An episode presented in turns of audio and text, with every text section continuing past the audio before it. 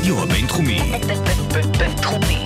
106.2 FM. הרדיו הבינתחומי. הרדיו החינוכי של המרכז הבינתחומי. לקום ישראל. 106.2 FM. הייטק בפקקים. האנשים שעושים את ההייטק הישראלי.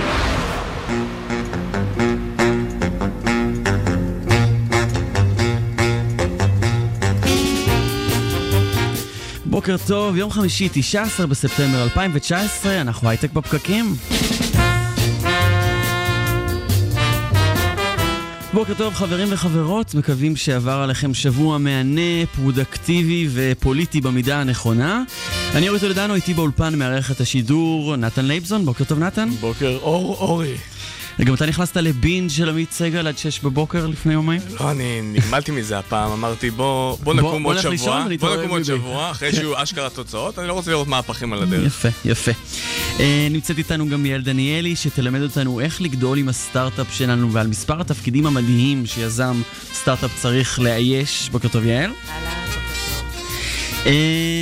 ותומר פישמן מהרדיו הבינתחומי על הוידאו, ירון מגל בקונטרול, ויצטרף אלינו לאולפן ויספר לנו מה קרה השבוע בהייטק מלבד הבחירות. קרו עוד דברים, נתן. באמת? כן, קרו דברים, פשוט זה מין כזה, לא היה הבחירות, אז לא דיווחו על זה. לא מעניין. אבל זה היום. אה, אנחנו משדרים לכם ברדיו הבינתחומי, בפייסבוק live, בכלכליסט ואצטדיון הסטארט-אפ. חפשו אותנו גם בסאונד קלאוד, בכל אפליקציות הפודקאסטים, במילת החיפוש בפקקים. גם בספוטיפיי אנחנו מופיעים שם. אתם מוזמנים לשלוח לנו שאלות בפייסבוק, תגובות והערות, אנחנו בשידור live, ככה שאנחנו גם נגיב לכם. אה, אנחנו רואים את מה שאתם כותבים, גם נתייחס.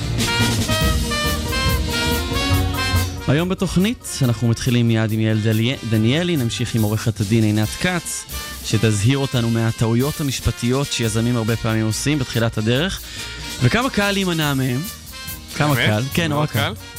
אה, ולאחר מכן נשמע את אה, דן פרייפלד, מנהל ה-EX Club במכללת ספיר, על איך בונים תוכנית לימודים יזמית לדור ה-Y, מהו סט הכלים שלדעתו כל יזם צריך.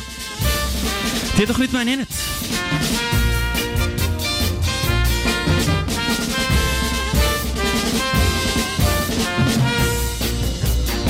אז בוקר טוב, יעל דניאלי, את בעלת 20 שנות ניסיון כפסיכולוגית ארגונית, עם ניסיון בייעוץ למנהיגים עסקיים, לסטארט-אפים בראשית הדרך, וגם uh, הצרות הטובות שסטארט-אפים uh, מתמודדים איתם, שזה גדילה, שזה גם אתגר.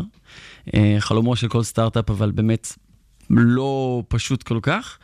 את עשית מחקר מאוד מקיף וריאנט 250 סטארט-אפים, מה זה בדיוק המחקר הזה?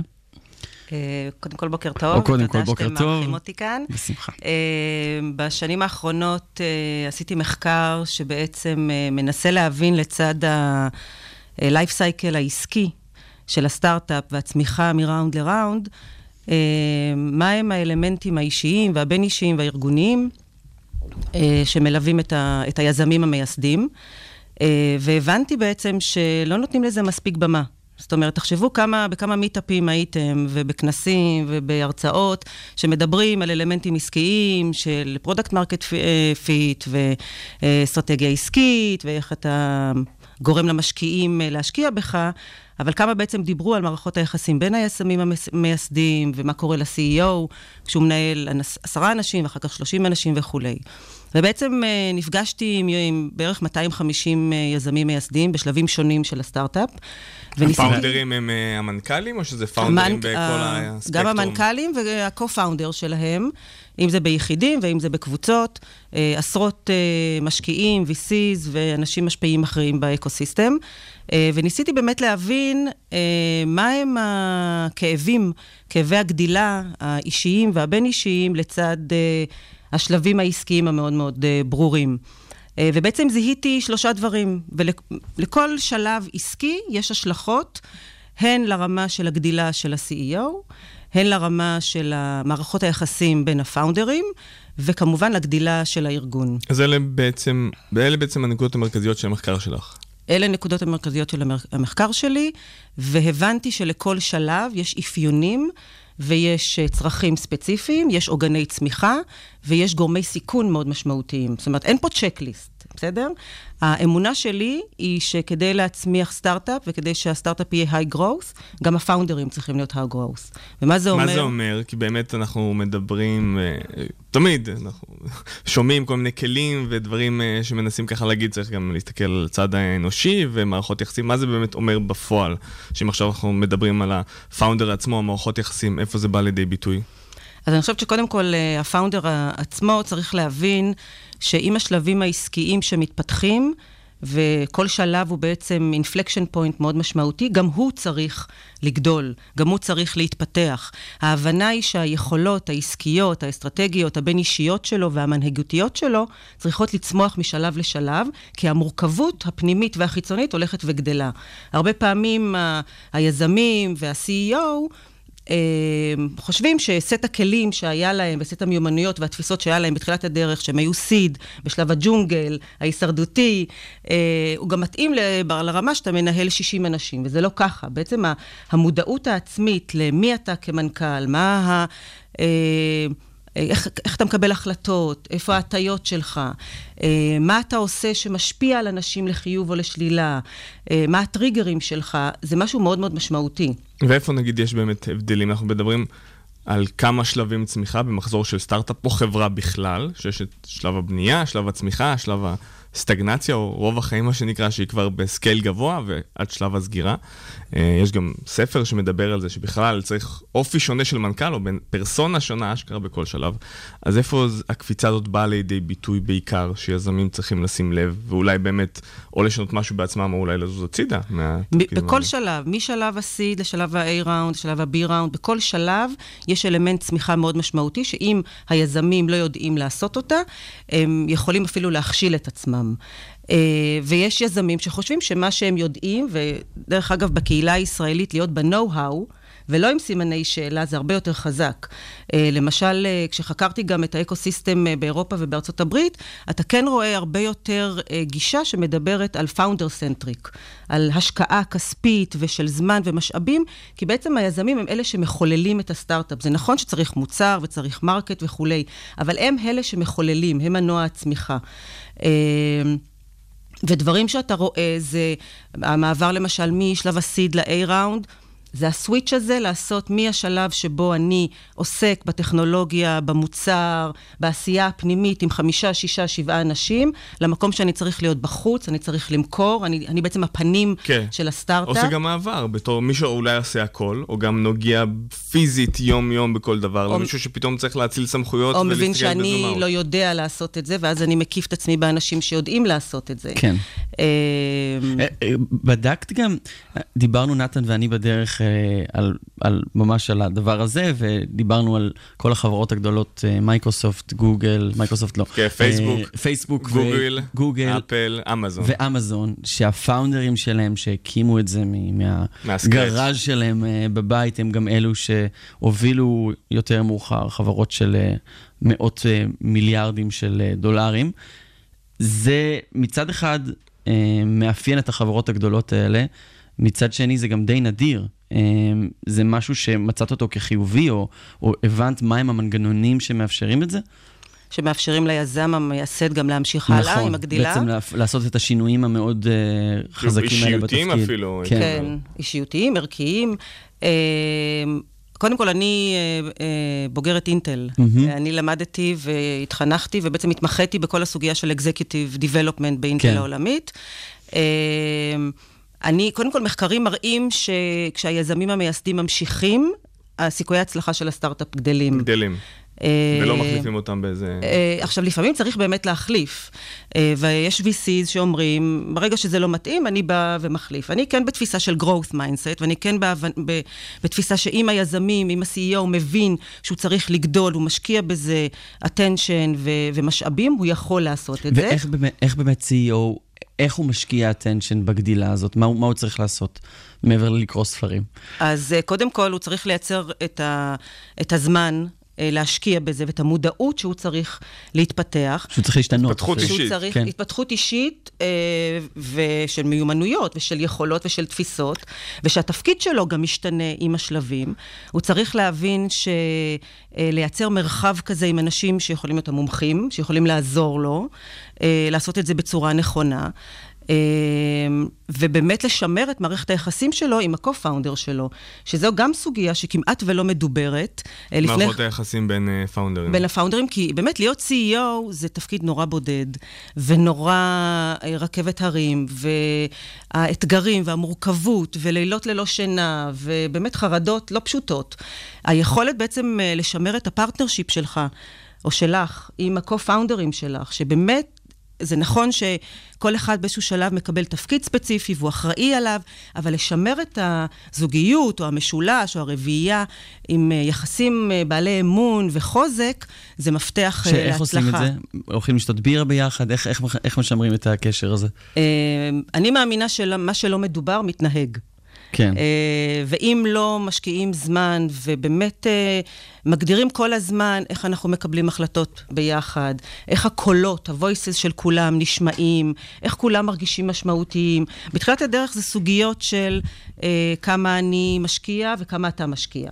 אז אה, בודדים ואז זמן. על כמה כל אחד מחליט ומשפיע, בדיוק דיברת על זה, כמה קולות מושמעים על ידי הפאונדרים. אגב, שאם אנחנו מתחילים בתחילת הדרך ובונים איזשהו תמהיל של צוות מייסדים, ופשוט מתחילים לרוץ, האם זה הדבר הבריא ביותר לעשות? כאילו, פשוט, כי זה מה שקורה לרוב. אין איזה שהם pitfall שיכולים אולי למנוע מזה שיש לנו השקפות ל- שונות לגבי איך שהסטארט-אפ צריך להיראות? כן, לרוב זה חברים מהצבא, מהאוניברסיטה, או כאלה שהיו אפילו ב-speed dating כזה, נכון? שמחפשים את ה-CEO או את ה-CTO. כן, זה משהו שגדל. אה, שהתחיל עכשיו אה, יותר ויותר. אה, ובעצם זה כבר לא רק המיומנויות המקצועיות או הטכנולוגיות שמשלימות אחד את השני. אה, הרעיון הוא להבין שצריך אסטרטגיה לזוגיות או למערכות יחסים, בדיוק כמו שצריך אסטרטגיה עסקית. לפני חודש יצאנו, יצאנו מאמר בדה-מרקר, אחרי שהיה את המשפט הגדול של סייברה והכל התפוצץ שם בין שלושת היזמים. ההבנה ובעצם הלגיטימציה אה, לנהל מערכת יחסים ולהבין שאנחנו צריכים לדבר ולהגיד, לתת אחד לשני משוב, מה אתה בעש- בעשייה שלך, נתן, גורם לי, אה, איפה אני מרגיש משמעותי, איך אנחנו מקבלים החלטות ביחד, איך אנחנו נתפסים על ידי ה, אה, הארגון שלנו. הרבה פעמים כשאחד מאיתנו נוסע לחו"ל, להקים את ה-site בארצות הברית או באירופה, המרחק הפיזי אפילו משפיע עוד יותר, אה, וגם ללמוד לריב. יש ריבים טובים ויש ריבים לא טובים. ממש כמו טיפול פסיכולוגי זוגי. נכון, ואני מייצרת להם את המרחב בעצם להרחיב את השיח. כי הרבה פעמים מתקבעים באיזה שהם אה, מגירות, או אני כבר יודעת איך תגיב אליי, ואני יודעת לפרשן את זה לפני שזה כבר קרה. אז אנחנו מתקבעים בעמדות האלה, ובעצם להרחיב את השיח, ולהבין בעצם על מה זה יושב, מה זה גורם לי, אה, ואיפה זה פוגע או מאפשר את ההצלחה העסקית, זה הדבר החשוב. אה, אני מאמינה שדווקא אה, שלישיות הם אה, המספר הנכון, כי השיח הרבה יותר מורחב, ואפשר להכניס הרבה מאוד פרספקטיבות. נורא קל גם לקבל, להגיע להחלטות. שתיים נגד אחד. אה, כן, צריך להימנע. מקואליציות. תראו, כן. אין אמת. בסופו של דבר צריך לנהל את זה. המודעות וההבנה שאני מנהל פה עסק, וזה לא מספיק רק למכור, אלא צריך גם להבין איפה אני בסיפור, ומה המטרות שלי, ומה היכולות שלי, ומה היחסים שאני עושה עם האנשים אז, מסביבי. אז אם עכשיו נגיד חשוב. בסטארט-אפים אה, בתחילת הדרך, ומאזינים לנו, לא רק נגיד ש, אה, שלושה פאונדרים שבדיוק עכשיו עומדים לצאת לדרך, על מה הם צריכים לשים דגש כבר בהתחלה בשלבים הראשונים, כדי שיהיו להם סיכויי הישרדות הרבה יותר טובים מהחמישה אחוז ש... אה, רק להגיד שבדרך כלל אני נכנסת אחרי אה, A-ראונד, שכבר יש 20-30 אנשים, אה, שהמורכבות היא הרבה יותר גדולה. הייתי רוצה להיכנס לפני, אבל זה, יש איזו תפיסה שבכלל בישראל, שזה מותרות, לעומת מקומות אחרים, שזה הרבה יותר מקובל. אה, דרך אגב, נעשה מחקר עם 13 אלף אה, משקיעים, מה גורם הסיכון המרכזי לסטארט-אפים, ו-92 אחוז דיברו על ה-co-founder relationship ועל אה, מיומנויות הניהול, צוות ההנהלה. כן. אה, מה שהם צריכים לעשות זה בעצם להכיר אחד את השני באמת, להבין את אה, נקודות התורפה והעוצמה אחד של השני, אה, ולדעת לדבר על הדברים. לדעת בעצם אה, לשים אותם על השולחן ולא לתת להם להתנהג. אני רואה יזמים שרבים אה, לפני כל הארגון, והארגון שומע ורואה, ואז יש אה, נטייה של אבא-אימא או וכולי. אה, זה להחליט איך אנחנו מחליטים. זה... אוקיי, להחליט קבלת מנגנון קבלת החלטות. מאוד להגדיר. את מנגנון קבלת החלטות, להחליט בעצם על uh, התפקידים שלנו, שהם לא רק תפקידים טכנולוגיים מקצועיים, אלא גם התכ... התפקידים הלא פורמליים. איך אנחנו מגדלים את הארגון, איך אנחנו מצמיחים אותו, uh, לדבר על הערכים שלנו, מה ההבדלים בתפיסות שלנו. יש לי למשל יזמים שאחד מאוד מאוד נוטה לעבודה מסודרת, uh, הוא הגיע מקורפורייט, ואילו השנייה...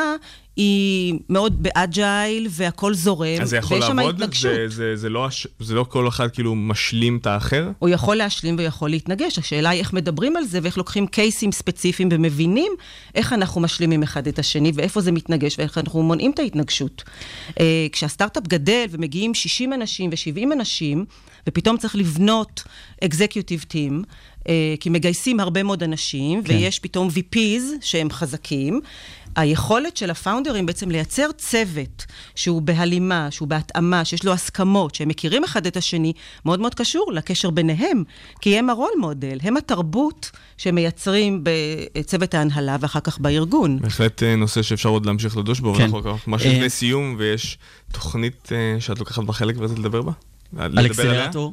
כן, רציתי להגיד שהסטארט-אפים שאני עובדת איתם, הרבה מהם הם מרוטשילד והרצליה, אבל יש אקסלרטור אחד שאני עובדת איתו ברמאללה, אה, דרך מרכז פרס לשלום. זה חמישה יזמים פלסטינאים, אה, צעירים, שבעצם רוצים לשנות את המציאות היומיומית שבה הם חיים. אה, והם פתחו בעצם אה, מרכז אה, יזמות, אקסלרטור, שמו פלואו. אה, ומבחינתי, אה, יזמות היא דרך באמת אה, להנגיש דברים, לייצר חיבוריות. אה, וכשאני נוסעת לשם ושהם באים לפה, זה חוויה מאוד מאוד עוצמתית, ודרך אגב, התמות הן מאוד מאוד אה, דומות. זאת אומרת, אה, אקו-סיסטמים שונים, בסופו של דבר מתמודדים עם אותן סוגיות, השאלה היא איך לנהל את זה במודעות ולתת לזה מספיק משקל. איך לנהל את זה במודעות ואיך לדבר על הכל, זה כנראה נראה לי העצה הכי טובה כי ליזמים. אחרת זה מתנהג, ואז זה מתנהג באימפולסיביות, כן. או בצורה לא נכונה, ומשפיע. תודה רבה, יעל דניאלי. תודה רבה לכם.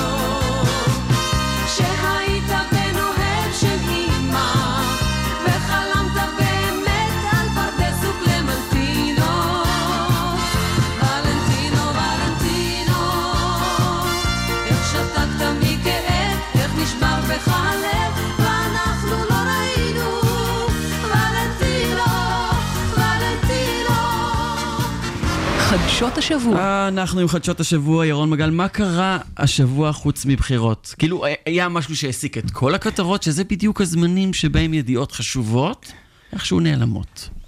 נכון, נכון, אבל אנחנו נתחיל, אי אפשר לא להתחיל עם הבחירות, נכון, אבל נגיע גם לא לנושאים רלוונטי. אחרים. אז כן. ראשית כל, כל האנשים שהיו במתח לקראת תוצאות הבחירות והכל, אה, זה סתם, זה היה מיותר, בגלל שכבר לפני שלושה שבועות בוויינט התפרסמה כותרת שגנץ עוקף את נתניהו, אוקיי. אוקיי? אה, נו, טוב, זה- אז? זה לא... ו? היה במנדט, אני יודע, בכמה שברי אחוז, אבל אה, אין בזה משהו מן האמת. בכל מקרה, הסיפור היה שהסתכלו על מה שקורה ברשתות החברתיות, ושם באמת אה, הסכום שכחול לבן השקיעו היה פי שלוש מהסכום שהליכוד השקיעו, והסיבה שאנחנו יודעים את כל הפרטים האלה, זה בגלל שאחרי כל מה שקרה אה, בבחירות, אנליטיקה. אה, קיימברידג' כן. אנליטיקה, ו... אז אה, פייסבוק באמת אה, אה, אה, קבעו כללים של שקיפות מאוד מאוד ברורים, כללים שכל אחד חייב לפרסם, כל מי שעושה קמפיין פוליטי, אין כן. בעיה, תעשה קמפיין פוליטי, אבל תפרסם כללים מאוד מאוד ברורים של שקיפות. הם יושמו בראשונה בבחירות האמצע בארצות הברית. הם כוללים הגדרות לכל המדינות לשתף פעולה עם ועדות הבחירות המקומיות, אה, והתוצאה של זה, שבאמת הם, אה, גם פה הייתה עבודה בין פייסבוק לוועדת הבחירות, והתוצאה שאנחנו יודעים בדיוק מי הוציא כמה כסף, אז בתחום הזה... רגע, וזה עזר להם, הם זכו ליותר אה, חשיפה ויותר לייקים, תגובות, שיתופים, כי הרבה פעמים, כי אם, אם אתה רוצה לדעת מי יהיה ראש הממשלה הבא, פשוט לך לפייסבוק. זה עבד עם טראמפ, מול הילרי יפה מאוד, זה עבד בבחירות אה, לפני זה יפה מאוד. איכשהו פייסבוק יודעת להמליך הרבה יותר מכל מדגם אחר. תראה, אם הם יודעים. אה, לנתח את הנטיות המיניות שלך לפני שאתה בעצמך מבין מה הן, אז כנראה שהם גם יודעים אה, לנתח אה, דעת קהל ולהבין מי מי יהיה ראש ממשלה. במקרה הזה, אגב, אם היינו רואים הודעה, היינו יכולים להסתכל ולראות מי פרסם אותה, מה שאתה רואה, מי מי שילם על הדבר הזה, שזה דבר די מרשים. נכון, אז, אז זה בדיוק העניין, זה בדיוק העניין עם הקמפיינים המתורגתים. מה זה הקמפיין המתורגת? הם יודעים להגיד מה משפיע על כל אחד, ולכן כן. הם עושים קמפיין שהוא מאוד מאוד מדויק, תכף נגיע בדיוק לזה הנושא השני, אבל אה, אה, אז באמת אה, הנקודה היא שהכלים האלה שפייסבוק העמידה כדי למנוע את הבלגן הזה, הם הולכים עכשיו לעדכן אותם, כי כמובן עברו שנתיים-שלוש, וכבר עוד מישהו, אנשים מנסים להתחכם לרמת שקיפות הזאת, והולכים להיות כללים חדשים. זה דרכו של עולם ושל מרוץ כן. חימוש. באמצע היום, אגב, התפרסמה ידיעה שהבוט פייסבוק של אה, נתניהו פרסם תוצאות סקרים, שזה אסור לחלוטין על פי ועדת הבחירות. נכון, הוא נחסם. הוא נחסם. הוא לכמה נחסם ש... אמרו שהוא יחסם בהתחלה עד סוף היום, ואז אחרי כמה שעות פתחו יכלו מחדש להגיד את שזה ה... פייק בוט. אבל, אבל זה הכל הפוך על הפוך. זאת אומרת, אני חושב שנתניהו עשה את זה כדי שיחסמו את זה, כדי, כדי כאילו, לפרסם. זה הרי הכל, הכל הפוך על הפוך על הפוך, ומנצלים את זה לכל הכיוונים. אה, אז באמת, בנושא הזה של הבוטים וכל הפייק ניוז והקמפיינים המתורגטים שב-AI מנתחים מה ישפיע על הנוירון השמאלי שלי מצד ימין במוח, אה, אז באמת, אה, הבחירות האלה היו עם הרבה פחות... התערבות. התערבות מתורגטת. על פני הדברים, כן. כי ועדת הבחירות התערבה גם בנושא הזה, ודאגה שיהיו פחות מניפולציות מהסוג הזה משנה שהיה באפריל. התוצאה הייתה שבאמת היו, ראינו הרבה יותר שלטי חוצות, והשלטי החוצות האלה הם אמיתיים, אוקיי? הם לא מספרים שקרים, כי שקרים אפשר יותר קל לספר בצורה מתורגטת, אבל המחקרים מראים שפשוט השלטים האלה נעשו הרבה יותר אגרסיביים. כי כדי להשפיע בלי פייק צריך להיות הרבה יותר אגרסיבי, הרבה יותר בוטה, אז זה משפיע על אחוות העם שלנו לאחר הבחירות, אז אני לא יודע מה יותר טוב, אבל... נראה לי בבחירות פשוט הכל כשר, כולם מורידים את בדיוק. הכפפות. לא, בדיוק. גם נשחקנו מהבחירות הקודמות. צריך, יש לנו סף כן. ריגוש גבוה יותר, אז צריך גם להיות יותר אלים זה ואגרסיבי. כאילו ולהוריד את נכון. כולם אמרו ביום של הבחירות, מהר, אחוזי ההצבעה נמוכים, ואף אחד פשוט לא מאמין לזה. נכון? נכון. זה- זה. וואי, לא, כלום, לא אמרתי. לשום נתון שאף מועמד בחירות אה, שיגר לעברי ב- ביום הבחירות. דבר מאוד יפה, אבל זה לראות שפייסבוק מבינים שיש להם כוח, ולפלטפורמה שהם בנו יש כוח, שזה משהו שהוא מין צוקרברג לא הבין אותו עד לפני כמה שנים, ומשתפים פעולה ומבינים שיש להם חלק חשוב בדמוקרטיה, זה דבר מאוד חיובי. וזה שהרגולציה הצליחה, לה- הצליחה להשפיע עליהם. כן. זאת אומרת, הביאו אותו לקונגרס, הושיבו אותו עם חליפה על כיסא, הוא לבש חליפה אפילו בשביל זה. יותר, כן. כן, צריך לעשות את זה יותר. אה, כן, דרך אגב, הסיבה שלא האמינו לזה בכלל, זה בגלל שאמרו שהאחוזי בחירה הם מעל הזה, מעל, מעל הממוצע, כן. וכל המפלגות בחו יותר נכון. נמוך, אז, אז המתמטיקה לא מסתדרת. חוץ מבחירות, קרו דברים. סימנו וי על הבחירות, אפשר לעבור הלאה? כן. אה, אוקיי. מזל שלא דיברנו על זה. אה, שמעתם על חברת מובילאיי? איזה? מי? זהו, אני אני גם לא זוכר, אני פשוט חיפשתי ומצאתי להם קצת חומר, הם מירושלים. כן. אה, אה, היה אירוע גדול בסוף אוגוסט אה, עם ראש הממשלה, שר הכלכלה, שעשוע כמובן. אה, הם שולטים ב-70% מהשוק של ה-ADAS, כאילו של המערכות עזר נהיגה, מה שנקרא, אה, בתרגום לעברית. והסיבה שהם שולטים ב-70% מהשוק כבר כמה שנים, זה בגלל שהם בנו מודל עסקי מאוד מאוד מעניין. אה, נורא קשה להרוויח בעולם הרכב, כי יש חברות שנקראות טיר 1, שהן היחידות, חברות ענק שהן היחידות שיכולות למכור חלקים לעולם הרכב, והן עושות את הכסף. כן. אוקיי? מה שהם עשו, הם הלכו ישירות, הם טיר 2, הם לא רצו להפוך לחברת ענק בי, ביום הראשון, הלכו ישירות לחברות רכב, בגלל שהם מונופול ברכיב הזה, הצליחו לשכנע אותם לחייב את חברות הרכב להכניס אותם. ברכיב של אה, אזהרה, אסיסטיב טכנולוגי לנהג. בדיוק, כן. שרק הם, רק ישימו אותם, כן. אנחנו הכי טובים, והם אילצו את הטיר 1 להכני- להחזיר אותם, והתוצאה היא שהם מרוויחים את כל הכסף, והטיר 1 מרוויחים רק פירורים.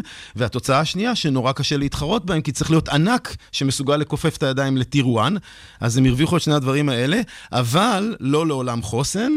והנה יוצא, השבוע אה, באמת מתחילה תחרות לקורטיקה, וזה מופיע שוב בהצהרה... תחרות של קורטיקה סליחה, תחרות, כן? ש... תחרות למובילאי, וגם זה מגיע מישראל. כאילו, ההכרזה אוקיי. הראשונה של זה, באופן לא מפתיע, איזה טכנולוגיה תתחרה במובילאי? ישראלית. בכל העולם? טכנולוגיה ישראלית, גם אותם ראיינו. מגובה עם כן. BMW ועם טויוטה וענקיות התעשייה הסינית, וטיר 1 בשם קונטיננטל, שמעתם עליו, במטוסים בעיקר. כן. וכל אלה ביחד חברו עם חברת קורטיקה הישראלית, שיש לה חברת בת שם קר... קרטיקה, כן. כן, למכוניות. אה, וכל החבילה הזאת באמת הולכת להתחרות, אה, להיות טוב. נגד אה, זה. תחרות זה דבר טוב, טוב לצרכן, ואם זו שתי, שתי חברות ישראליות שמתחרות זו בזו, אז בכלל נחמד. נכון, בדיוק, והלב הלב של העניין זה החברות הישראליות, אה, אז, אה, אז זה בנושא הזה. אה, קצת פרפראות אה, לסיום, אז אה, ראשית כל, אה, יש, נמצא פה בארץ, דיברנו עכשיו על אה, מנהיגות, ו, אה, אז, אז סגן הנשיא לפיתוח מנהיגות של גוגל נמצא בארץ. אוקיי. שמעתי אותו אתמול אה, מדבר בצורה מדהימה ב-Journey. בכנס של ה-Journey. כן. אה, הוא דיבר שם על זה ש-meaning יותר חשוב מ-money לאנשים. שזה והוא ממנכ"ל סיפר- אמריקאי זה דבר והוא יפה. סיפר כן, והוא סיפר על נשיא ארצות הברית שהולך בנאסא, על, על ג'ון קנדי בזמנו, ש... to put a man on the moon, והוא פוגש את, ה... את ה-janitor, את השרת מנקה, ואומר לו, תגיד לי, מה אתה עושה? הוא אומר, אדוני הנשיא, אני עובד על להביא את האדם לירח. הוא אומר, זה תרבות ארגונית, שכולם ברור להם מה המטרה. אה, ולסיום, דיברנו פה אה, על המתנת תפוח בדבש לראש השנה שאפל נותנת בדמות... אה, השקה של טלפון השקה של חדש. הטלפון החדש. במיוחד לראש השנה, במיוחד לראש השנה. כן. אז גם אמזון, כאמר, חברות הענק, גם אמזון משיקה את אמזון בעברית, לכבוד ראש השנה. אנחנו במרכז העניינים, גם, ב, גם בחדשות וגם בפוליטיקה. אולי נביא את ראש השנה פעמיים בשנה ונקבל יותר מתנות. וואלה, זה רעיון טוב, ואם זה תפוח בדבש בכלל. זה- בטח. אז יפה, זה מה שקרה השבוע חוץ בבחירות, וגם על הבחירות דיברנו, סימנו צ'ק על זה. ירון מגל, יזם ומשקיע הון סיכון, תודה רבה, אנחנו נתראה בסוף התוכנית עם פרשת השבוע. מצוין, תודה לכם.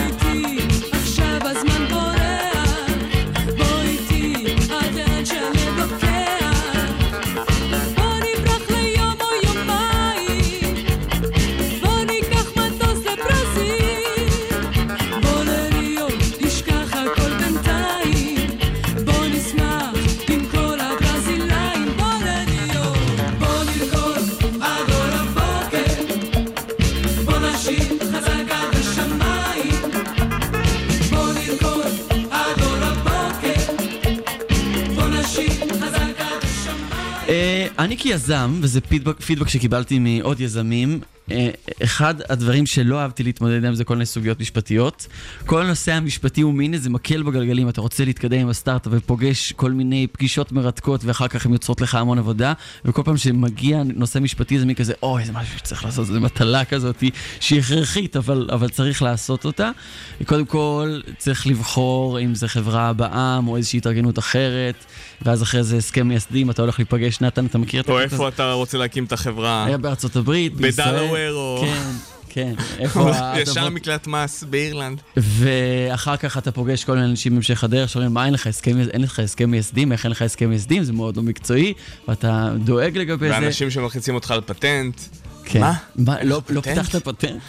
אמ, אז איתנו באולפן עינת כץ, מנהלת הקליניקה לסטארט-אפים במרכז הבינתחומי, שתסמן לנו את האתגרים האלה שעומד בפני, שעומדים בפני כל סטארט-אפ ואיך פותרים אותם. עינת, בוקר טוב. בוקר טוב. אז, אז פתחנו בשליליות מסוימת לגבי כל התחום של, אה, של משפט, אבל הוא, הוא קריטי, הוא הכרחי. לפני שנדבר עליו, מה זה הקליניקה לסטארט-אפים במרכז הבינתחומי? הקליניקה להנגשת המשפט לסטארט-אפים אה, במרכז הבינתחומי היא קליניקה שנותנת שירותים משפטיים בחינם ליזמים מאוכלוסיות בלתי מיוצגות בקהילה. אה, המטרה שלנו באמת היא לקדם יזמים מהפריפריה החברתית והגיאוגרפית, ליצור איזשהו איזון בחברה ולקדם את אותם יזמים שאין להם את, את הכלים אה, ש, של האנשים שחיים במרכז וחיים ונושמים את עולם ההייטק. אה, אז, ובעצם... אז כל אחד בעצם יכול לגשת אליכם ולבקש לקבל עזרה משפטית? זה די מדהים. בוודאי, כל יזם, יזם או יזמית בתחילת הדרך, mm-hmm. שכן עומדים על הקריטריונים אה, שהם מגיעים מהפריפריה החברתית או הגיאוגרפית, יכול להגיש אלינו מעמדות. אנחנו כרגע התחלנו את אה, רק המיונים. פריפריה. החברתית והגיאוגרפית. חייב להגיד שאני כיזם גם אה, נעזרתי אתה נחשב. פריפריה? אה, תל אני אני אביב, מיזם אה, חברתי, אז באו לקראתי. טוב, אז אילו אתגרים את רואה ב- שהם חוזרים על עצמם שוב ושוב ושוב, שדברים שיזמים צריכים לעשות ולא עושים? מה מה הם הדברים שחוזרים על עצמם? אז באמת אנחנו פוגשים הרבה מאוד יזמים שיש יש הרבה מאוד שכבר הגו את הרעיון וחשבו ויש להם רעיונות נהדרים, והם לא חושבים על המשך הדרך. אה, אה, דיברה על זה יעל? כן. כן. דיברה על זה יעל קודם, שבאמת אה, יזמים, אה, חשוב מאוד שהם, אה, שהם יכירו את עצמם ויהיה להם מערכת יחסים נכונה. זה בדיוק זה. חשוב מאוד מאוד מאוד ליצור איזושהי מערכת יחסים מגובשת. כל חברה היא, היא כמו אה, מערכת זוגית, מערכת יחסים זוגית, או, או יותר מזוגית, במקרה שלנו, וחשוב מאוד... פוליגמיה. כן. בסטארט-אפים זה עובד. כן. אה, חשוב מאוד אה, שכל אה, כל בסיס יהיה, יהיה לו הסכם מייסדים טוב. אפשר להשוות את זה להסכם ממון. כשאנחנו נכנסים ל, אה, למערכת זוגית, אנחנו לא רוצים לחשוב על הסוף שלה. נכון. אבל חשוב... והכל עובד כל עוד הכל עובד. בדיוק, כל עוד הכל עובד. כן. שלא עובד לא טוב. אז חשוב לחשוב גם מה יכול לקרות, איך יכול להיות לא טוב. ולכן חשוב לחתום על הסכם מייסדים כבר בהתחלה, אחרי שגיבשתם את הצוות הראשוני שלכם. ל- ל- אז זה השלב, אגב, ברגע שיש צוות שאומר, אוקיי, זה הצוות, אנחנו בונים פה איזשהו רעיון, זה כבר השלב לשבת ולעשות הסכם מייסדים? נכון, שיש צוות מגובש סופי. כן. שאנחנו כבר מכירים תקופה, יש לנו רעיון, אנחנו מתחילים לעבוד, זה הזמן לחתום על הסכם לפני מייסדים. שהתחלנו לעבוד? אפ- אפשר למשוך את זה קצת כדי לגבש את הצוות האמיתי, כי יכול להיות שתתחילו לעבוד קצת, ואז מישהו יחליט שפה, תשנו קצת את הכיוון, תכניסו עוד אה, יזם, אז כשיהיה את הצוות הסופי יש, את האמיתי. פוגשת יזמים שהם פתאום רצים איזושהי תקופה ואז מגלים שאין להם הסכם מייסדים? מה זאת אומרת? אני לא-. אני לא מכיר- אני לא מכיר אחרים, אני לא מכיר יזמים מכיר? שעשו הסכם יז- יזמים מתי שצריך. באמת? כן. נכון. שזה מאוד מפתיע. מה, את- היזמים סביבך הם אחראים ורושמים... לא, אני לא, אני לא עובר אחד-אחד, אני יכול להגיד שאני כשהקמתי בזמנו את הסטארט-אפ, עם השותף שלי, דבר ראשון שעשינו, זה באמת חתמנו על הסכם מייסדים. זה כאילו, אחראים. להעלות את כל השאלות הקשות, קבלת החלטות, אה, חלוקת אה, אחוזים, כאילו, הכל על הכתב. כי מה, אחר כך זה יהיה הרבה יותר קשה. אחרי נכון. שכל אחד מושקע. אז אומר, לא, רגע, לי מגיע ככה, לא, לי מגיע ככה, אה, אבל יש גם ועכשיו זה איזשהו זה קטע, יתקע. סטארט-אפ בתחילת הדרך, אתה אומר, אנחנו הולכים לעשות מלא פיבוטים, זה הולך להשתנות עוד מלא פעמים, ואתה אומר, אתה לא רוצה להגביל את עצמך, והסכם מייסדים, יש איזשהו חשש שהוא יגביל. איך בונים הסכם מייסדים שלא יגביל אותי בהמשך הדרך? כי אתה בונה את, ה, את המתכון הנכון לסטארט-אפ שלך. כל חברה, כל סטארט-אפ יש לה את האופי שלה. צריך להגדיר נכון את החלוקת אחריות בין המייסדים, כל אחד מה הוא עושה, את uh, קבלת ההחלטות, איך אנחנו מקבלים החלטות, האם כל החלטה מתקבלת ברוב רגיל, או שיש החלטות מהותיות יותר שאנחנו רוצים רוב מיוחד.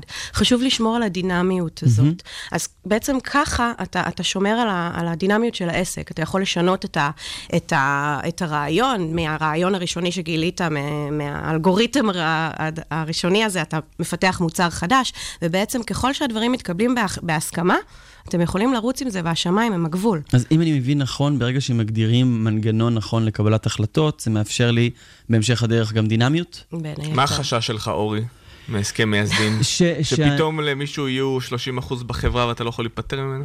לא, אלא שאנחנו מתחילים בשיא ההתלהבות, חודשיים ביחד, ואחרי חודש הוא פשוט אה, יעשה לי fade down ויישאר עם מלא אחוזים. אבל שניכם אמרתם דברים נכונים. כל אחד מאיתנו מתחיל עם איזשהו אה, אה, נתח בחברה, כמו נתח בזוגיות. Mm-hmm. ואם אנחנו רוצים לצאת מאותה זוגיות, אז צריך לדעת איך לעשות את זה. ואם יש לי 30 אחוז בחברה, ואני לא רוצה להמשיך להיות, אה, להיות בה, או ש... אתה לא רוצה שאני אמשיך להיות בה. אז חשוב לקבוע את המנגנון ההיפרדות הנכון. האם אני מחזירה את כל ה-30% שלי, או אני מחזירה חלק יחסי? כן. לאן זה חוזר? האם אתה, היזם השני, קונה אותי, או שאני מחזירה את זה לחברה?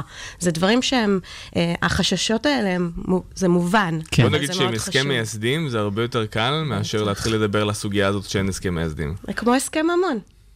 אה, אני חייב רק בשביל להציג את הדעה ההפוכה, ברור שאתה צודק, ברור שאתה צודק, אבל רק בשביל להציג את הדעה ההפוכה, אני, היה לי מערכת פשוט של המון אמון, ו- והצלחנו עם הדבר הזה לשרוד. ואם זה עובד, מצוין. ואם זה לא... הסטארט-אפ מת, כן?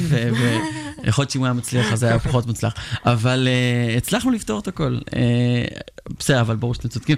הקמת חברה, איך, מתי עושים את זה, איזה התארגנות, איך אני יודע אם מתאים לי לפתוח חברה בארצות הברית או חברה לתועלת הציבור uh, בישראל. אוקיי, אז באמת, יש המון המון המון גישות. הגישה שלי אומרת זה the sooner the better, כן. באמת.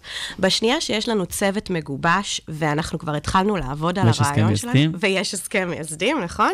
אז אני ממליצה לפתוח חברה. האם זה בדלאוור, האם זה בקפריסין, כל מיני מקלטי מס כאלה ואחרים, חשוב כן. להיוועץ עם עורכי דין ורואי חשבון. חברה בעם או חברה שעתידה לקום? כי יש גם את המנגנון הזה. חברה בעם. חברה בעם, ומהסיבה המאוד מאוד ברורה של הפרדת אחריות, של הגבלת אחריות של היזמים. בשנייה שאני מקימה חברה בעם, היא אישיות משפטית נפרדת, והיא זאת שנושאת את האחריות המשפטית, ולא אני כיזמת. משמע שאם תובעים אותי, או אם יש איזושהי הסתבכות כספית כזו או אחרת, זה מופרד ממני. נכון מאוד. אגב, במקרים כביכול. נדירים מרימים מסך, אבל אה, רוב המקרים באמת האחריות של היזמים היא כן, מקובלת אבל מאוד. הבעיה היא שברגע שיש את החברה בעם, אז כבר מתחילות הוצאות חודשיות. בין כי היתר. נכנס כבר אה, נכון. רואה חשבון לעניין, וצריך חשוב לקחת להתחיל את זה להדפיס. בחשבון. אגב, טריק חשוב הוא לקחת את זה בחשבון. לפתוח חברה בעם ולא בהכרח לפתוח לה אה, חשבון בנק. ואז זה נכון שאין עדיין... אתה צריך אבל אה, הגשת דוחות. נכון, ברגע שיש כספים, אבל אתה יכול בגלל- לפתוח חברה ועוד לא לפתוח, נגיד לחכות כמה חודשים עד שאתה ממש פותח לחשבון בנק ומתחיל אה, לעשות את ההתנהלות כספית, ואז אתה חוסך כמה אלפי חשוב שקלים. להיוועץ במקרה הזה עם רואה חשבון, כן. שיודע את המנגנון, מתי אתה יכול, עד מתי אתה יכול לפתוח את החשבון, להגיש חשבוניות, צריך שיהיה לך איזשהו רווחים מסוימים.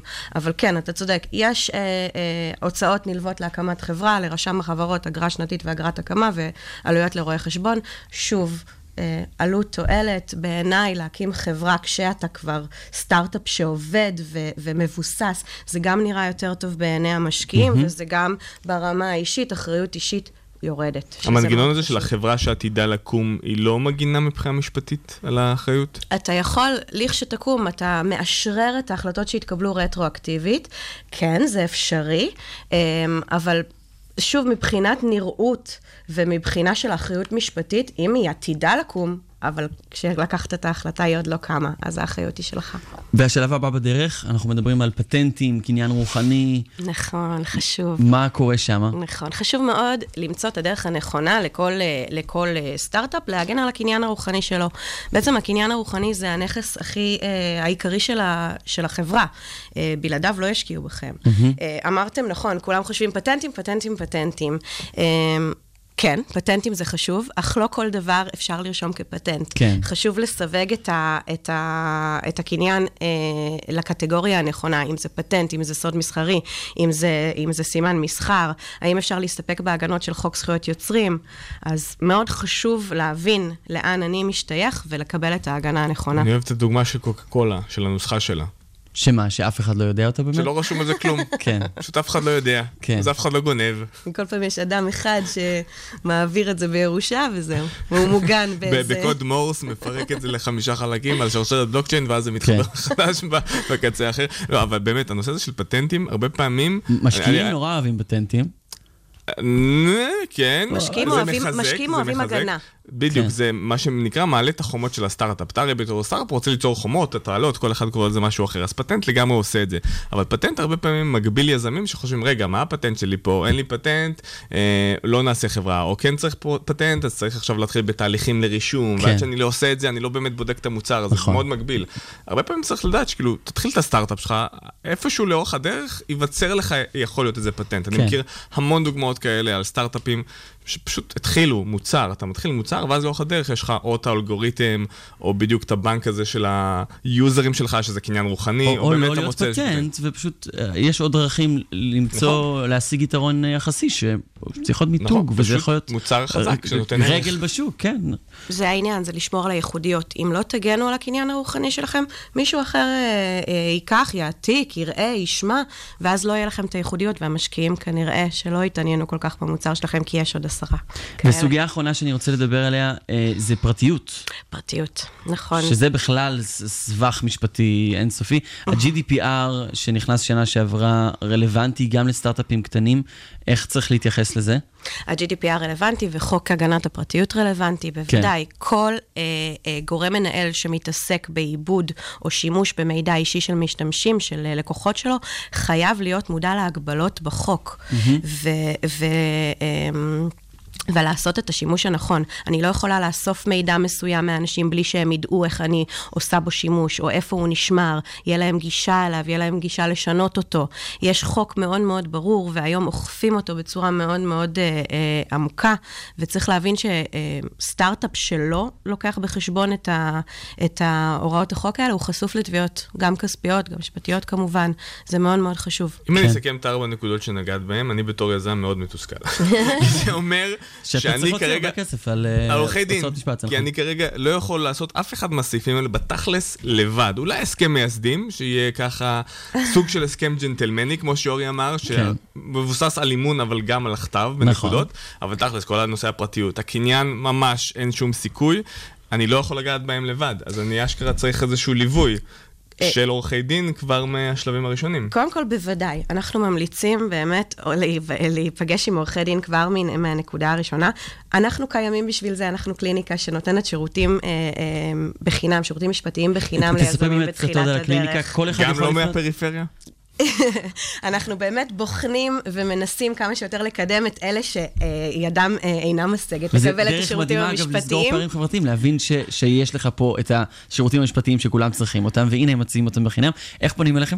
אפשר לפנות אלינו דרך אה, האתר של הקליניקה, legalstart.co.il, אה, דרך אה, הפייסבוק שלנו ובמייל האישי שלי. אה, אנחנו התחלנו את המיונים למחזור השישי, אנחנו באמת אה, נותנים שירותים משפטיים.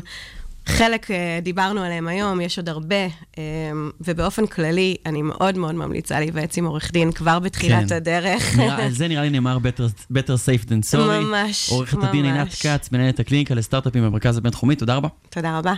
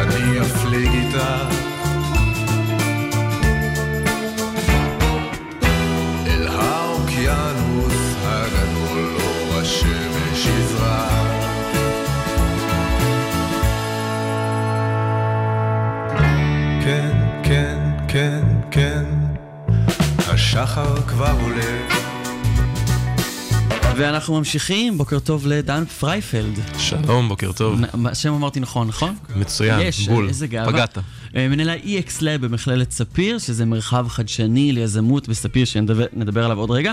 זה לא התפקיד היחיד שלך, נכון? אתה גם מנהל מחלקת העיצוב למדיה בספיר? נכון מאוד. אז אנחנו הולכים לנסות לשזור קו בין שני התפקידים האלה ולהבין מה הם לדעתך ה- set of skills שאפשר ללמוד באקדמיה כדי לתת לכל יזם את הכלים הבסיסיים שהוא צריך. ובספיר יש לכם איזשהו מבנה חדשני שלכל מחלקה אקדמית יש גם איזשהו זרוע יזמית ביצועית, נכון? נכון, אבל uh, לפני זה אולי אני אגיד שבאמת מכ- מכללת ספיר זה באמת המכללה הציבורית uh, הכי גדולה בארץ, יש לנו מהמם. בערך 7,500 סטודנטים, uh, ולמעשה זכינו ב... זכינו במקום אה, רביעי או חמישי אה, במכרז אה, של מועצה להשכלה גבוהה. כן. ולמעשה של המודל... הוות"ת שהיה בתחילת השנה? נכון, נכון. שזכו כל ה... כאילו האוניברסיטאות העניות כביכול. לא, נהפוך הוא, אה, זה- כן, זה החתולים, כן, הגדולים. אז אז למעשה אה, המודל... אז מה זה המודל החדשני הזה? אז זהו, אז המודל שבאמת הגשנו הוא מודל אחרי שאיזשהו ניסיון שחווינו במהלך השנתיים האחרונות, שבאמת פתחנו חטיבת יזמות, שזה היה מין חטיבת עילית כזאת שסטודנטים מכל המחלקות הצטרפו ובעצם ישבו ופיתחו סטארט-אפים, והבנו שהדבר הנכון ביותר זה בעצם לעשות מודל שהוא... בעצם להפוך את המכללה כולה ליזמית וחדשנית, ולמעשה מה שעשינו זה שכל מחלקה בנתה לעצמה מעבדה משלה. כן. למעשה זה מחולק למעבדות ולקליניקות. עכשיו, מעבדת, מעבדת יזמות למעשה מונה צוותים, צוותים שבעצם מפתחים סטארט-אפים, אה, איזשהו חוקר מוביל, אה, מנטורים, וכמובן, שוב, המנטורים מצד אחד הם יכולים להיות מנטורים גם מהמכללה, אבל גם מהתעשייה. אז המרצים ו... הם בעצם ראשי הצוותים? או נכון, שהם סוג של חוקרים. המנטורים ואחד הסטודנטים אה, מוביל? המנהלים הם, הם, הם, הם, הם, הם מרצים בתוך המכללה, בדרך כלל חלק מהם זה אפילו ראשי מחלקות, אה, והמנטורים זה מתחלק, לפעמים זה חלק מרצים, חלק מגיעים מהתעשייה. ומי אלה הסטארט-אפים? זה סטודנטים מכל התחומים, או שזה אה, נגיד רק בית ספר ליזמות או משהו כזה? אז זהו, אז מה שיפה זה באמת שזה מכל התחומים, מכל הדיסציפלינות. אה, החלק ה- באמת היפה, קודם כל, זה שזה לא רק סטודנטים, זאת אומרת, אנחנו פותחים את המעבדות יזמות האלה גם לקהל הרחב ש, ש, כן. שגר באזור, ואז נשמע יותר כמו אקסלרטור וקצת פחות פרו-אקדמיה, נכון? מעולה. כן. זה יום שילוב. יבוא ולא נצטרך כן. אקדמיה. נתן מחכה ליום. זה שילוב. רגע, אז זה- זה לא נקודות? נגיד, אני בתור סטודנט זה מגיע... לגמרי לעשות- איפה נקודות. הנאזים? איפה אז פה הנאזים? יש נאזים, יש נאזים. בלי ש- נאזים אה, אין. אין אקדמיה. אין אקדמיה. שזה דווקא המוטיבציה מראה ששוב, זו השאלה מה אז מניע את הסטודנט. אבל, אז אם אני בתור סטודנט, אני נרשם למעבדה, אני עושה אותה במשך שנה, במשך תואר. אתה עושה באיזה את זה נקודות במשך, זכות? אתה עושה את זה במשך שנה, אה, אתה מקבל על כך אה, שמונה נקודות זכות. אה, למעשה בעצם המרחב שאני מנהל אותו, שזה מרחב ה EX Lab, המרחב החדשני הוא בעצם המקום, הפלטפורמה שבו... כל עכשיו זה הסטוד- קורה פיזית. פיזית זה קורה, ואז כל כן. הסטודנטים למעשה... שזה כמו WeWork כזה, רק WeWork, יזמות כן, לסטודנטים. ממש. בספיר. כן. כן. רק ששוב, צריך להבין, WeWork זה- לא מודל שאנחנו לא מזכירים מרחבים, כן. כל הרעיון זה לתת את זה לסטודנטים, כן. אה, לתת מקום והשראה לעבוד בו. אז אה, אנחנו פשוט סוגרים את כל המרחב ונותנים לכל הסטודנטים אה, והמרצים והחוקרים לשבת ולפתח סטארט-אפים, כאשר באמת ה beta site, כלומר האתגרים כן. ומה שהסטודנטים מתמודדים איתם, זה הדברים שקיימים באזור. אגב, כן. איך, איך המרצים מקבלים את זה? כי אני מניח שיש הרבה מרצים אולי שלא נוח להם ליזום וליצור כל הזמן, ורוצים קצת שאלה- להיות יותר שאלה קלאסיים. מצוינת, שאלה ללכת להור- מצוינת. לילדים בסוף היום, כן. שאלה מצוינת. תראה, אני חושב שמה שקרה זה במעבר בין חטיבת היזמות, שבעצם לקחה סטודנטים מכל המחלקות, למודל שבו כל מחלקה היא בעצם, יש לה מעבדה אה, יזמית. זה שינה את התפיסה, ואני יכול להגיד לכם שראשי המחלקות, לפחות ראשי המחלקות, גילו אה, התגייסות מלאה בנושא, אפילו מעבר. כן. אה, אז המבנה הוא שיש את ה... אה, בעצם סטארט-אפים שגדלים בתוך המחלקות, ויש את הקליניקות שהן מהוות מעין תמיכה לאותם סטארט-אפים. חד משמעית. יש לנו ארבע קליניקות, יש, כן. אחת מהן זה באמת כלכלית, שיווקית, משפטית ובעצם בית תוכנה. וגם יש אצלכם מסלול יזמות חדש שנפתח, נכון? זה, זה, זה בעצם המסלול. זה זאת אומרת, המסלול. המסלול הוא זה שזה יש שמונה נקזים, סטודנטים. עכשיו, מה שיפה גם, ש, שלמרות שמחלקה, יש לה נגיד מעבדת יזמות מסוימת, אה, הסטודנטים מהמחלקה, לאו דווקא הם נרשמים למ- למעבדה הזאת. זאת אומרת, סטודנטים מכל המחלקות יכולים להירשם. למשל, אם יש לנו מחלקה לבריאות דיגיטלית, שמי שמנהל את המחלקה הזאת זה מחלקה לשיווק טכנולוגי, אז נרשמים לסטודנטים, אה, תופתע, גם מקולנוע ו- ועבודה סוציאלית. כן. ו- אז יוצא לכם שמשהו מין אה, מישמש בינתחומי כזה שיכול לצאת. מהדברים? אה, יש להם פה מודל מעניין, שדווקא אה, מבחינת כאילו... הרבה יותר מזכיר אקסלרטור, באמת. כן, אה, כאילו, דווקא. מבחינת כאילו, הגודל שלכם יושב וח- יחסית לאוניברסיטאות, שיש כן. להם אלף, עשרות אלפי סטודנטים, ולכם מהמם. כאילו פחות, דווקא בגלל זה שמאפשר, יכול להיות, את הפעילות הזאת, והגיע הזרז, החשיבה הזאת, שזה משהו שלא נתקלתי בו. גם אפשר להגיד ב... באוניברסיטאות הגדולות כן. בארצות הברית, HIT, סטנפורד, כל האוניברסיטה לא מגויסת ליזמות, יש שם מחלקות יזמות, יש שם נכון, זה יזמות. כן. אבל פה נראה לי יש משהו, איזשהו מודל שאתם מפתחים, נכון. אבל מה שעומד בינו לבין, לא יודע, אולי ל... למכור את המודל באמת לאוניברסיטאות ברחבי העולם, זה נראה לי סיפורי הצלחה. אני, אני מסכים איתך לגמרי, קודם כל את המודל הזה הגה אותו הפרופסור עמרי ידלין, אה, שהוא אה, בעצם היה נשיא של המכללה, וזה באמת, שוב, זה בא מתוך ניסיון. זאת אומרת, אה, התחלנו עם יזמות כי אנחנו חושבים שבאמת, אה, אה, צריך להבין גם, אנשים שמגיעים ללמוד אצלנו, אה, בחלקם הגדול, זה סטודנטים שהם אה, דור ראשון להשכלה גבוהה. אה, ותמיד יש את הסיפור המפורסם שאתה יודע אה, שהנשיא לשעבר אה, סיפר זה, שכשהוא היה באוניברסיטת תל אביב, אז אחד מהחברים שלו דיבר ושאל סטודנטים באוניברסיטת תל אביב, מי כאן רוצה להיות יזם? אז 90% הרימו אצבע ואמרו שאני רוצה להיות יזם. אצלנו במכללה זה לא קרה, היו 10%. כן. ואנחנו מדברים על המחלקה למדעי מחשב. עכשיו, זה מדהים, ו... אז אני חושב שזה שינוי של ה-state of mind של, של כל המכללה ושל כל המחלקות, וזה גם בא מלמעלה מצד אחד, אבל מצד שני זה גם מלמטה. אמ, ומה זה, אתה בכובע אחר גם מנהל את התחום של, אה, של עיצוב בספיר, נכון? נכון. גם UX UI. נכון. ושם זה מסלול של שנתיים, שאתם מלמדים, מעצבים גם כלים יזמיים, נכון? נכון. אז התהייה שלי היא גם, את- גם ב, בעצם במסלול שלכם של יזמות וגם במסלול של המדיה ועיצוב, בטח יש מסלולים דומים. אז אני תוהה, מה הם הדברים שמבחינתך כל יזם, מה הם הכלים שכל יזם צריך לרכוש, ממש ברמה של קורסים או כישורים פרקטיים? תראה, אה, אני חושב שאחד הדברים המשמעותיים, ואני אנסה לחלק את זה, אני חושב שיש את החלק הכללי, כן, שזה בעצם כל הכישורי חיים וה soft skills, שזה מבחינתי הוא cross platform, זה גם, גם אה, סטודנטים שלומדים ביזמות בכל המחלקות האקדמיות וגם אצלי, שזה, אתה יודע, זה יכולת לעבוד בצוות, יכולת לעשות אה, פתרון בעיות, לעשות פיץ' כמו שצריך, לדעת לדבר, לדבר, לדעת לדבר באנגלית. אה, ברמה סבירה. כן. זה מבחינתי, מבחינתנו, זה, זה, זה הדברים ככה הם הבסיסיים שצריך אה, לדעת.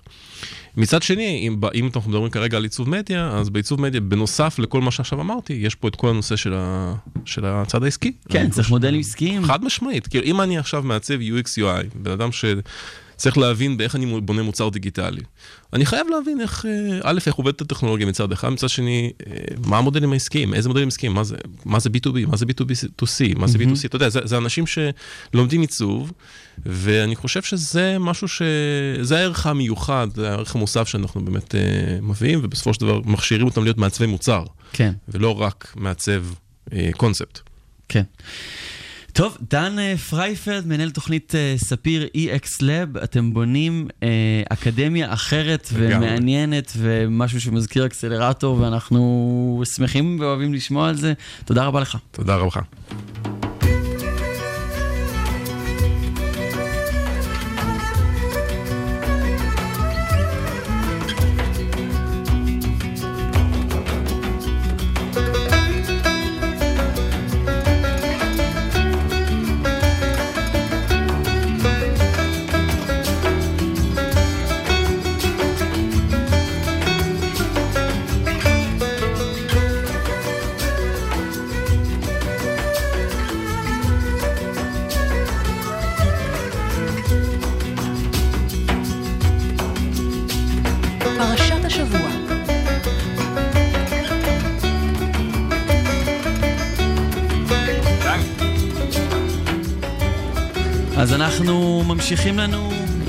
פרשת השבוע. ירון, אתה הרבה כובעים יש לך היום. הרבה מיקרופונים גם כרגע. כן, בדיוק, ולרגע, לאיזה מיקרופון? אתה יכול לשניהם, זה יעשה סטריאו למאזינים שלנו. הנה, גם ערוץ אחד תצטרפו אלינו.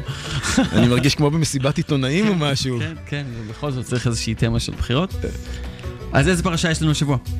אז אנחנו בפרשת כי תבוא, כן. פרשה השביעית של ספר דברים, ובפרשה שלנו מופיע האירוע היחיד בתורה, למיטב ידיעתי, שהארכיאולוגיה המודרנית מצאה אותו. מצאה שהוא באמת קרה. מדהים. אוקיי? מדהים. יש לזה ביסוס אה, ארכיאולוגי היסטורי שמסכימים עליו הרבה, מרבית הארכיאולוגים, כי כל הארכיאולוגים לא מסכימים אין על כלום. סיכוי, אין סיכוי, אין משהו. אם היה משהו שכל הארכיאולוגים היהודים היו מסכימים עליו, אז כנראה שהוא לא נכון. אה, אז רק הארכיאולוגים היהודים הסכימו עליו? אני לא, לא, לא רק, יש גם אחרים. גם יש שונאי ישראל? גם uh, כולם אוהבים אותנו, מה קרה לך, נתן? מי, מי שונא אותנו? יש אחד, שניים. אה, אולי, קשה למצוא. אה, בקיצור, אז, אה, אז, אה, אז מה שקורה בפרשה שלנו, אה, א', הפרשה שלנו היא פרשה נורא חגיגית, כי אחרי הרבה פרשות שמשה מצייר איך נראית אה, מדינה יהודית בארץ ישראל, אה, בהיבטים של שלטון ושל איך להתנהג אחד לשני, אוהבים אותנו, צדק צדק תרדוף נאמר פה, אה, וכל הדברים הללו. מלך. מה? מלך. ומלך, אבל להגביל אותו וזה וכל הדברים הללו. עכשיו זו פרשה חגיגית, מביאים ביקורים, ומשה אומר שכשנכנסים לארץ, צריך uh, לטפס על הר עיבל, חתיכת הר, הר די גבוה, כן. ועצום בשטח שלו, ולעשות שם חפלה מטורפת. אוקיי? הולכים, באמת, בונים שם מזבח, ומקריבים שם כמות אדירה של, אה, של, אה, של, של קורבנות, וקוראים שם את ספר התורה, והר עיבל זה הקללה, ושישה שבטים על הר עיבל, שישה שבטים על, על הר גריזים. אירוע עצום מימדים. שלכן גם יכול להיות שאפשר למצוא אותו ארכיאולוגית. ו? אז אני מבין שמצאו אותו ארכיאולוגית. ובאמת, אה, נ- נהפוך דף 3,300 שנה קדימה, אה, בין השנים אה, 82 ל-89, משלחת בניהולו של פרופסור אדם זרטל, חוקרת מזבח פולחני שנמצא בהר עיבל, ואני רק רוצה לתת לכם כמה עובדות על מה שמצאו שם. אז ראשית כל, התיארוך מתאים, שנה ש- 13, אה, המאה ה-13 לפני הספירה. המבנה הסכמטי מאוד דומה למבנה של המשכן, מאוד לא דומה לשום שום מזבח אחר.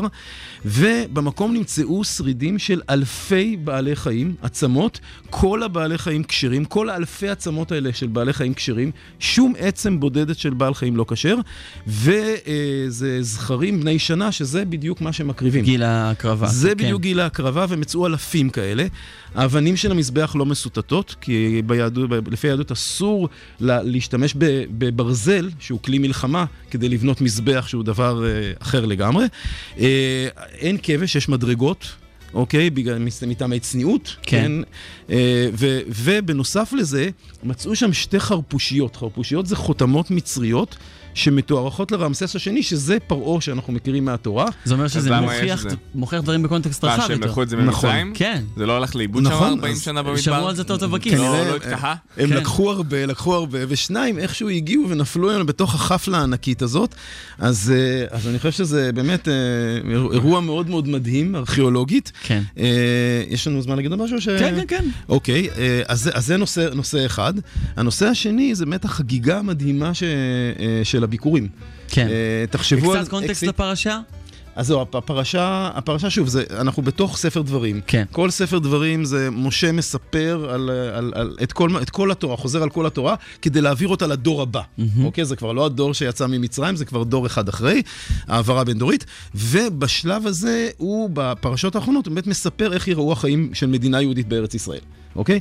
ובהקשר הזה, הפרשה הזאת מספרת איך חוגגים את ההצלחה כשזה יצליח, ואחד מהדברים, באמת, זה החפלה הזאת שדיברנו עליה, והדבר השני, עם הקראת ספר התורה והבחנה בין טוב לרע וכל הדברים האלה, והדבר השני זה האקסיט של הבאת הביכורים.